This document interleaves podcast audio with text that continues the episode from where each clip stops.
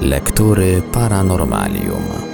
W Radiu Paranormalium zapraszamy do spędzenia najbliższych kilkudziesięciu minut z trzecim tomem Księgi Tajemnic i Rzeczy Niezwykłych, wydanym w 1993 roku. Wyborem i opracowaniem historii, które znalazły się w tej książce, zajął się Thomas Decin.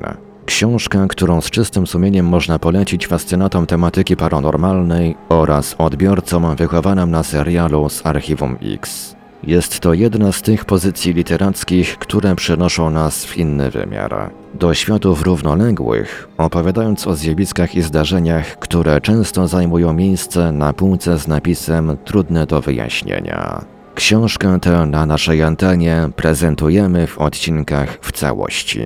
Zapraszamy do słuchania.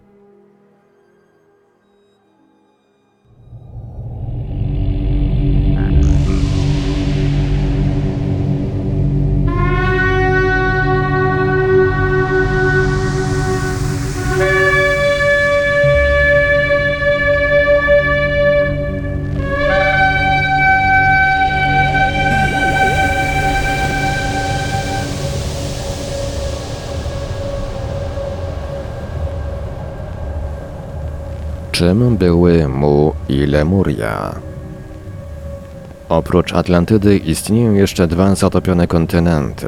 Mu na dnie Oceanu Spokojnego i Lemuria też pogrzebana na dnie oceanu, tym razem indyjskiego. Poza tym krążą jeszcze podania o tajemniczym lądzie Pan, który jakoby znajduje się pod powierzchnią północnego Pacyfiku. Jego zatopienie nastąpiło rzekomo około 70 tysięcy lat temu. Początki Lemurii zaś miałyby sięgać co najmniej 100 tysięcy lat, zaś jej koniec nastąpił jakieś 50 tysięcy lat temu. W przeciwieństwie do Atlantydy, legendy o tych pradawnych lądach nie zostały spisane przez żadnego starożytnego pisarza ani przekazane za pośrednictwem anonimowych kronik. Na bardzo starych mapach figuruje za to wielki masyw lądowy oznaczony nazwą Terra Australis Incognita, to jest nieznana Ziemia Południowa. Europejskie okręty, które w XVII wieku zaczęły przeczesywać tę część Oceanu Indyjskiego, nie natknęły się jednak na spodziewane lądy. Nie musi to jednak wcale znaczyć, że kartografowie greccy i późniejsi świadomie wprowadzili w błąd potomność. Być może po prostu opierali się na świadectwach prastarych kronik, te zaś zaginęły na skutek wojen i pożarów. Owe kroniki z kolei mogły powstać dzięki przekazom ustnym, sięgającym nawet wiele tysiącleci przed wynalezieniem pisma, który z lądów przedstawionych przez starożytnych i średniowiecznych kartografów jako Terra Australis należałoby uznać za Lemurię względnie Mu, pozostaje przedmiotem swobodnych dociekań. Późniejsze odkrycie Australii wcale nie wyjaśnia wszystkich zagadek Terra Australis. Sama nazwa Lemurii pochodzi natomiast z całkiem innego źródła, a mianowicie od lemurów, stworzeń, które najprościej można by określić jako coś pośredniego między małpą a szczurem. Najbardziej sprzyjające warunki do życia lemurów występują na Madagaskarze. Spotyka się je jednak również w Afryce, Indiach i na Malajach. Ten fakt może sugerować istnienie w przeszłości wielkiego kontynentu, obejmującego znaczną część dzisiejszego Oceanu Indyjskiego. Z tego założenia wychodził angielski przyrodnik z ubiegłego stulecia, Philip Sclater. Wyszedł od twierdzenia Darwina, że ewolucja polega m.in. na dostosowywaniu się gatunków do nowych albo zmienionych warunków geograficznych. Skoro tak jest, rozumował Skleiter, to obecność lemurów w kilku różnych pod względem warunków przyrodniczych rejonach świata da się wytłumaczyć jedynie dzięki przyjęciu założenia o istnieniu w nieodległej przeszłości geologicznej wspomnianego kontynentu. Tak więc na tej podstawie Philip Skleiter sformułował hipotezę Lemurii i stworzył jej nazwę. Mimo braku jakichkolwiek dowodów, hipoteza o istnieniu Lemurii uzyskała poparcie wielu wybitnych umysłów tamtej epoki, jak na przykład Alfreda Russella Wallace'a, twórcy konkurencyjnej w stosunku do darwinowskiej teorii ewolucji. Stwierdzał on, cytat, Lemuria stanowiła prawdopodobnie w którejś z minionych epok geologicznych pierwotne siedlisko gatunków. Jeśli przypuścimy, że obejmowała cały ten obszar obecnie zamieszkany przez Lemurowate, to musimy przyjąć, że rozciągała się od zachodniej Afryki do Birmy, południowych Chin i Celebesu. Koniec cytatu. Innym znanym zwolennikiem istnienia Lemurii był Ernest Haeckel, który widział w tym zaginionym kontynencie również pierwotne siedlisko gatunku ludzkiego. Cytat. Ani Australia, ani Ameryka, ani Europa nie mogły być owym pierwszym i najwcześniejszym domem człowieka, albo tak zwanym rajem, kolebką rasy ludzkiej. Istnieje mnóstwo okoliczności, które prowadzą do wniosku, że tym pierwszym i najwcześniejszym domem człowieka był kontynent spoczywający teraz pod powierzchnią Oceanu Indyjskiego. Ląd ten rozciągał się wzdłuż Azji Południowej w kierunku wschodnim, a w kierunku zachodnim po Madagaskar i południowo-wschodnie brzegi Afryki. Lemuria była kiedyś pierwszym i najwcześniejszym domem człowieka. W ten sposób z wielką łatwością znajdujemy wyjaśnienie geograficznego rozprzestrzenienia się ras ludzkich na drodze migracji. Koniec cytatu. Na korzyść hipotezy o istnieniu Lemurii wydaje się przemawiać także występowanie identycznych formacji skalnych w Indiach i południowej Afryce. Jedynym możliwym wyjaśnieniem tego zjawiska jest istnienie pomostu między nimi w odległej przeszłości, od 180 do 70 milionów lat temu. Zniknął on najprawdopodobniej zanim na globie ziemskim pojawiły się ssaki. Badając tego rodzaju sprawy, nie trudno zauważyć dowody na istnienie podobnych połączeń również w innych częściach świata, na przykład między Alaską a Kamczatką. Na ich podstawie w roku 1915 niemiecki astronom i geofizyk Alfred Wegener sformułował teorię dryfu kontynentalnego. Według tej teorii, przyjmowanej obecnie raczej bez zastrzeżeń w świecie nauki, przed wieloma setkami milionów lat istniał jeden wielki praląd, oblany dookoła wodami praoceanu. Praląd stanowiła pokryta wszelkiego rodzaju osadami, powstałymi z kruszonych przez ząb czasu i roślinność skał, olbrzymia płyta z krystalicznego kwarcu. Ta płyta niejako unosiła się na warstwie półpłynnej magmy, złożonej z roztopionych metali. Na skutek ruchów płynnego, rozgrzanego do białości jądra ziemskiego, magma co pewien czas zaczynała niejako gotować się pod powierzchnią, siłą wybijając się ponad praląd. Ponieważ działały tu przeogromne siły, przeto wynikiem takich starć magmy z kwarcem były wybuchy wulkanów, trzęsienia ziemi, a pod ich wpływem pękanie krystalicznej skorupy pralądu.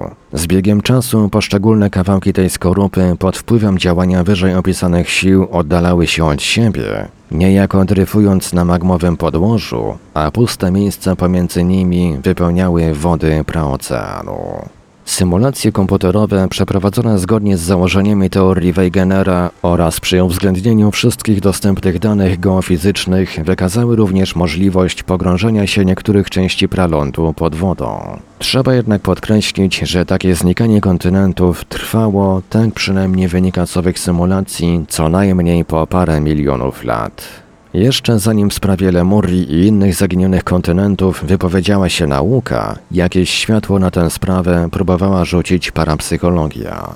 Założycielka słynnego Towarzystwa Teozoficznego, Helena Bławacka, pisała o siedmiu rasach rdzennych, które kiedyś zamieszkiwały, a w przyszłości odziedziczą ziemię. Według niej Lemurianie byli trzecią rasą. Były to, jak twierdziła pani Bławacka, olbrzymie, pozbawione mózgu stworzenia, z wyglądu podobne do małp.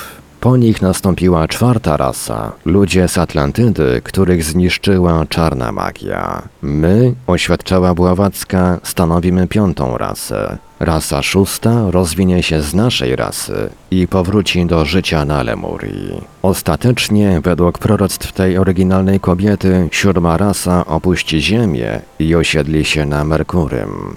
W jaki sposób miałoby to nastąpić, zważywszy wyjątkowo niesprzyjające warunki do podtrzymywania życia na tej planecie, pani Bławacka już nie wyjaśniła. Inny teozof, Scott Elliot, przedstawił bardziej szczegółową okultystyczną wizję Lemurii i jej mieszkańców. Według niego Lemurianie mieli być wysocy na 5 metrów, cali brązowi, o płaskich twarzach bez czoła, z wydłużonymi pyskami zamiast nosa. Posiadali po trzy oczy z tyłu swoich głów, które nie zawierały mózgu. Ten zaś znajdował się w innym miejscu. Oczy z tyłu głowy były dla nich prawdziwym błogosławieństwem, gdyż ich stopy wysuwały się tak daleko do tyłu, że mogli równie dobrze chodzić do tyłu, jak i do przodu. Spirytysta ten poznał też, jak twierdził, tajemnice lemuriańskiej kultury i cywilizacji. Według jego opisu Lemurianie byli z początku samozapładniającymi się hermafrodytami. Stopniowo zamienili się jednak w gatunek dzielący się na dwie płcie. Ponieważ jednak nabrali wtedy zwyczaju spółkowania ze zwierzętami, przeto wydali na świat małpy, które zaludniły całą Ziemię. Lemurianie stali się też celem wizyt przybyszów z kosmosu. Mianowicie to mieszkańcy Wenus powoli ukształtowali z nich lud świadomy i cywilizowany. Na skutek metodycznych wysiłków Wenusjanie upodobnili ich w końcu do siebie samych i ukształtowali ich ciała na własne podobieństwo. Najbardziej bezpośrednimi potomkami Lemurian są Lapończycy i tubylcy australijscy. Dzięki edukacji, którą Lemurianie otrzymali od Wenusjan, powstała cywilizacja ludzka i gatunek Homo sapiens. Z biegiem czasu Lemuria zaczęła się kruszyć i kawałek po kawałku tonąć w oceanie. Jedna z wysp, które oderwały się od Lemurii, stopniowo przesunęła się na Atlantyk i stopniowo przekształciła się w Atlantydę. Podsumowując, według okultystycznej prehistorii Scotta Eliota nie pochodzimy od małp, ale od Lemurian. Nie powstaliśmy w następstwie długiego i mozolnego wysiłku przyrody, ani nie zostaliśmy stworzeni. Ukształtowano nas przed wszystkimi na obraz i podobieństwo mieszkańców Gwiazdy Porannej. Swoją metafizyczną teorię ten działacz Towarzystwa Teozoficznego opublikował w roku 1896. Dziewięć lat później inny filozof okultystyczny, Austriak Rudolf Steiner, założył w Wiedniu Towarzystwo Antropologiczne. Jego celem było potwierdzenie i pogłębianie teorii Scotta Eliota. Steiner twierdził ze swej strony, że Lemurianie potrafili wykorzystać wszystkie komórki swego mózgu, dzięki czemu opanowali umiejętność podnoszenia największych ciężarów jedynie siłą woli. Cały system wiedzy na temat Lemurii i Lemurian Steiner podsumował hasłem Gwiezdne jasnowidzenie. Nie sposób zaprzeczyć, że u przeciętnego człowieka naszych czasów jasnowidzenie gwiezdne wywołuje drwiny, albo raczej tylko ironiczny uśmieszek. Być może jednak już wkrótce odkrycia naukowe rzucą nieco korzystniejsze światło na te, jak się dziś wydaje, kosmiczne brednie. Co do lemurów, które wywołały całe to zamieszanie, współczesna zoologia stwierdziła, iż potrafią całkiem dobrze pływać po morzu. W przypadku kultur i cywilizacji, które istniały na zatopionych kontynentach, w ogóle jest bardzo trudno oddzielić fantazję i koloryzowanie od faktów. Przykładem niech będzie sprawa zaginionego lądu Mu. Mu miał się znajdować mniej więcej pomiędzy dzisiejszymi Hawajami, Polinezją i Wyspą Wielkanocną. Pewną poszlaką potwierdzającą jego istnienie jest zadziwiająco wielka powierzchnia Oceanu Spokojnego, nazywanego też czasem Oceanem Wielkim. Inna okoliczność, która daje sporo do myślenia, to olbrzymia mnogość wysp i wysepek rozrzuconych po całym Pacyfiku. Pomimo dzielących je ogromnych odległości, wyspiarze zachowali daleko posuniętą wspólnotę rasy, religii oraz kultury duchowej i materialnej. Najbardziej wyczerpujący i praktycznie jedyny opis dziejów Mu przedstawił w roku 1926 żołnierz brytyjskiej armii Indii James Churchward w dziele pod tytułem Zaginiony kontynent Mu. Jako źródło swoich wiadomości podał napisy na tablicach z Nakalu, które pokazał mu i przetłumaczył pewien Brahmin. Jak podał Churchward, istnieją tylko dwie tablice z Nakalu, obie w postaci spłaszczonych figur w kształcie ludzi. Ich kopię miał podobno odnaleźć w Meksyku przyjaciel Churchwarda, amerykański inżynier William Niven. W swoim dziele ten pierwszy stwierdził kategorycznie, że obie tablice stanowią streszczenie świętych pism Mu i zostały napisane alfabetem używanym na zaginionym kontynencie od 15 do 12 tysięcy lat temu. We wstępie do swojej książki Churchward pisał m.in. cytat Ogrody Edenu nie znajdowały się w Azji, ale na zatopionym teraz lądzie na Oceanie Spokojnym. Biblijna historia stworzenia, ten epos o siedmiu dniach i siedmiu nocach nie pochodzi od ludów Nilu i Doliny Eufratu, ale z obecnie pogrążonego w falach morza lądu Mu, ojczyzny człowieka. Te twierdzenia można sprawdzić na podstawie obszernych zapisów, które odkryłem na od wieków zapomnianych świętych tablicach w Indiach, równocześnie z zapiskami z innych krajów. Mówią one o tym dziwnym kraju, liczącym 64 miliony mieszkańców, w którym rozwinęła się cywilizacja pod wieloma względami przewyższająca naszą własną. Opisują m.in. stworzenie człowieka w tajemniczym kraju Mu. Dowiedziałem się, że żył tam lud, który następnie zaludnił całą ziemię oraz o tym, że kraj ten został zmieciony z powierzchni ziemi przez straszne trzęsienia i w wyniku zalania przez morze 12 tysięcy lat temu. Zginął w kipieli ognia i wody. Koniec cytatu. Churchward twierdzi, że nieszczęście spadło z nienacka. Trzęsienia ziemi i wybuchy wulkanów ogarnęły najpierw południową część kontynentu. Następnie ląd zaatakowały fale tsunami. Wypływająca lawa otworzyła stożki, które do dziś wystają na powierzchnię w postaci wysp. Po jakimś czasie żywioły uspokoiły się. Miasta zostały odbudowane, znowu obsiano pola. Spokojne życie mogło toczyć się od nowa. Nie na długo, po kilku pokoleniach nadeszła druga, już ostateczna katastrofa. Cytat. Cały kontynent kiwał się i kołysał jak fale oceanu. Nieszczęsny ląd tonął przy akompaniamencie tysiącznych ryków. Obsuwał się coraz niżej, niżej i niżej, na samo dno piekieł. Był jak płonąca pochodnia. 50 milionów mil kwadratowych wody pochłonęło go raz na zawsze, razem z przytłaczającą większością mieszkańców. Ląd Mu był to piękny kraj tropikalny. Obfitował we wszelkie rośliny jadalne. Dzięki pracowitości jego mieszkańców opływał we wszelkie dobra. Na mu nie było wysokich gór, ale obfitość spływających ze wzgórz rzek i strumieni zapewniała takie mnóstwo wody, że nigdy nie brakowało jej nie tylko do picia, ale i nawadniania. Również dzikiej i oswojonej zwierzyny było w bród. Ludzie mieszkający na Mu, biali, oliwkowi, żółci, czarni i brązowi, prowadzili życie pełne szczęścia i radości. Budowali wspaniałe drogi, składające się z ciężkich bloków kamiennych, tak idealnie dopasowanych, że nie było tam ani jednej szpary, w której mogłaby wyrosnąć trawa. Okiełznali oceany i osiedlili się na wszystkich pozostałych lądach. Pływali na pięknych, wyposażonych we wszelkie wygody jachtach i statkach, żyjąc jak w raju. Po zniknięciu macierzystego kontynentu osadników, którzy przeżyli na odległych lądach, przeważnie spotkał jeszcze gorszy los niż ich pobratymców na Mu. Pozbawieni wszelkich dostaw towarów z metropolii, szybko zdziczeli i aby przeżyć, stali się ludożercami. Jedynie najbardziej samodzielna z kolonii Mówijczyków, Atlantyda, zachowała swoją wysoką kulturę i cywilizację. W ponad tysiąc lat później spotkał ją niestety ten sam los co mu.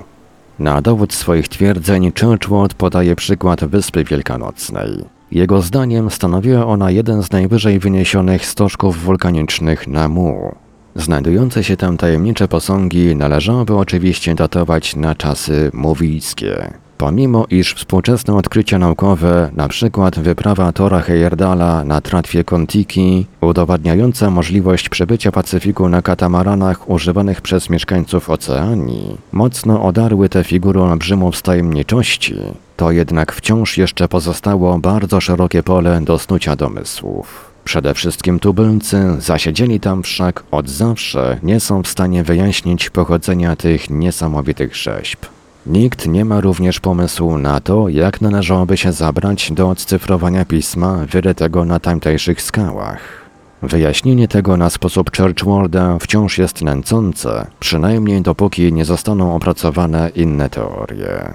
W swoim czasie Wyspę Wielkanocną odwiedzili dwaj uczeni francuscy, ksiądz Charles Etienne Brasser de Bourbourg, a po nim archeolog Auguste Le Plognon. Obaj twierdzili, że wykryli pokrewieństwo pisma z Wyspy Wielkanocnej z pismem Majów. Le Plognon ogłosił nawet, że udało mu się dzięki temu odczytać jeden z dwóch cudem ocalałych kodeksów Majów. W owym kodeksie miały się znajdować wiadomości o tym, że cywilizacja egipska i cywilizacja Majów pochodzą z tego samego źródła, a jest nim zaginiony ląd Mu. Ostatnia królowa Mu imieniem Mu miała więc zostać obalona przez swojego brata, księcia Ko i skazana na wygnanie. Kiedy ląd Mu zatonął, Mu udała się do Egiptu, gdzie pod imieniem Izyda stworzyła fundamenty cywilizacji egipskiej. Z jej rozkazu zbudowano Sfinksa na wieczną pamiątkę złego, lecz nieodżałowanego brata. Nawiasem mówiąc, współcześni uczeni nie widzą już żadnego związku między pozornym podobieństwem graficznym między pismem Majów a piktogramami z Wyspy Wielkanocnej. Mimo to istnieją poszlaki istnienia mu, których nie da się podważyć równie łatwo jak niektórych rewelacji nadmiernie spragnionych sławy uczonych. Należą do nich podobne pozostałości megalityczne na wyspie Mangaja, leżącej w archipelagu Kuka. Rzeczą zastanawiającą jest to, że na tej wyspie nie ma ani jednego kamieniołomu. Ogromne głazy jednak nie przepłynęły same przez ocean i nie ułożyły się w kamienne pomniki bez niczyjej pomocy. Podobna grupa megalitów znajduje się na wyspie Rarotonga. Dalsze punkty występowania takich znalezisk w oceanii to atol koralowy Tonga, kamień totem ważący 70 ton, kamienne piramidy na wielu wyspach w archipelagu Marszala i Gilberta, Według podania wyryte na nich wzory to święte znaki Mu oraz tajemnicze ruiny na Karolinach. Jednakże dla Churchwarda najważniejsze były ruiny na wyspie Panape. Stanowią one pozostałość świątyni zbudowanej na planie prostokąta o bokach długości 100 na 20 metrów. Jej ściany w chwili odkrycia przez Europejczyków miały wysokość 10 metrów i fundamenty głębokości 2 metrów. Mury były ozdobione rzeźbami, które przynajmniej na pozór mogą być pochodzenia mówijskiego, a w każdym razie nie polinezyjskiego. Świątynia zbudowana z bazaltu posiada przejścia, piwnice i podwyższenie oraz pomieszczenie centralne w kształcie piramidy. W pobliżu znajdują się inne ruiny kamienne. Niewykluczone, że są to pozostałości któregoś z miast mówijskich. Na wschód od Panape, na wyspie jaskółczej, znajduje się piramida z równo pociętych bloków kamiennych. Niedaleko są też pozostałości dziedzińca. W archipelagu wysp Kusai, położonym na południowy wschód od Panape, znajduje się podobny zespół zabytków. Ponadto odkryto pozostałości kanałów nawadniających. Tę listę można ciągnąć praktycznie w nieskończoność. Niemal na każdej wyspie Oceanii natrafiono na mniej lub bardziej intrygujące megality, którym miejscowi tubylcy oddają zabobonną cześć. Oddajmy na koniec głos raz jeszcze Jamesowi Churchwardowi. Cytat. W pewnej epoce dziejów Ziemi istniał wielki kontynent na Oceanie Spokojnym, który obejmował wszystkie te grupy wysp, na których znaleziono te pradawne pozostałości. Na tym wielkim kontynencie powstała niezwykle rozwinięta cywilizacja. Koniec cytatu. Warto jeszcze wspomnieć o kontynencie Pan, który rzekomo spotkał ten sam los co Mu i Lemurie oraz Atlantydę. Wiadomości na jego temat są jednak bardzo niepewne, jako że opierają się na świadectwie wyłącznie jednego człowieka. Był nim nowojorski dentysta i wywoływacz duchów John Newbrough. W roku 1882 napisał książkę pod tytułem Onspi. Według Newbrowa pan leżał na północnym Pacyfiku i zatonął jakieś 24 tysiące lat temu. Jak dotąd nie spełniło się proroctwo o ponownym okazaniu się lądu Pan w roku 1980. Objawienia dentysty spirytysty miały być ponoć tak szczegółowe, iż podał w swojej książce nawet alfabet paniński i zamieścił słownik panijsko-angielski. Najprawdopodobniej nikt, być może z wyjątkiem samego autora książki, nie wziął tego wszystkiego poważnie.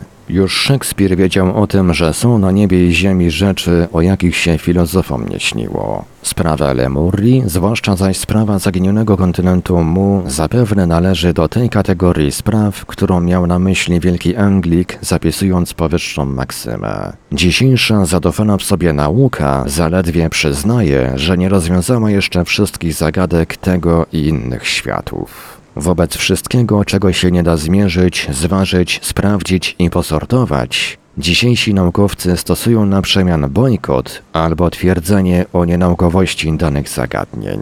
Tymczasem nauka nie jest w stanie wyjaśnić do końca nawet przyczyn swojego własnego istnienia. Nie wiemy, czy przytoczone tu opowieści zasługują na wiarę z punktu widzenia krytyki historycznej i archeologicznej. Wydaje mi się natomiast, że tego rodzaju historie rozwijają ciekawość świata i samodzielne myślenie. Te zaś cechy charakteru są współczesnemu społeczeństwu potrzebne do życia, nie mniej niż czyste powietrze do oddychania.